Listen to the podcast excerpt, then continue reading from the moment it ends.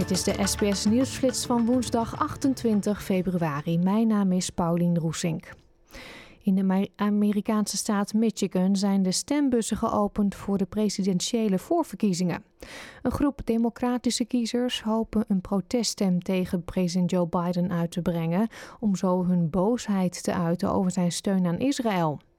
Sinds het begin van de Israëlische bombardementen op Gaza zijn er tot nu toe bijna 30.000 Palestijnen omgekomen. Dit tot onvrede van een groot aantal van de 300.000 Arabisch-Amerikaanse en islamitische inwoners van Michigan. Zij dreigen nu in november niet voor Biden te stemmen als hij niet stopt met het financieren en ondersteunen van Israël.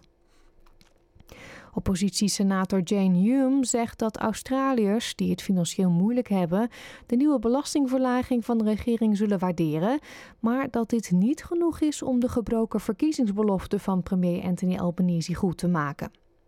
De aangepaste derde fase van het belastingpakket van Labour is goedgekeurd door de Senaat, nadat het eerder deze maand door het Lage Huis werd aangenomen. Na een week van onzekerheid zijn de families van twee vermiste mannen uit Sydney afgereisd naar het landgoed waar gisteren de lichamen van hun zonen zijn gevonden.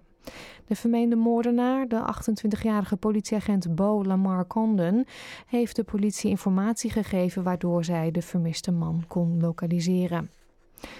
De Verenigde Staten zeggen geen troepen of iets dergelijks naar Oekraïne te zullen sturen. De Franse president Emmanuel Macron zei tijdens een conferentie met 20 Europese leiders in Parijs dat hij de mogelijkheid openlaat om troepen naar Oekraïne te sturen.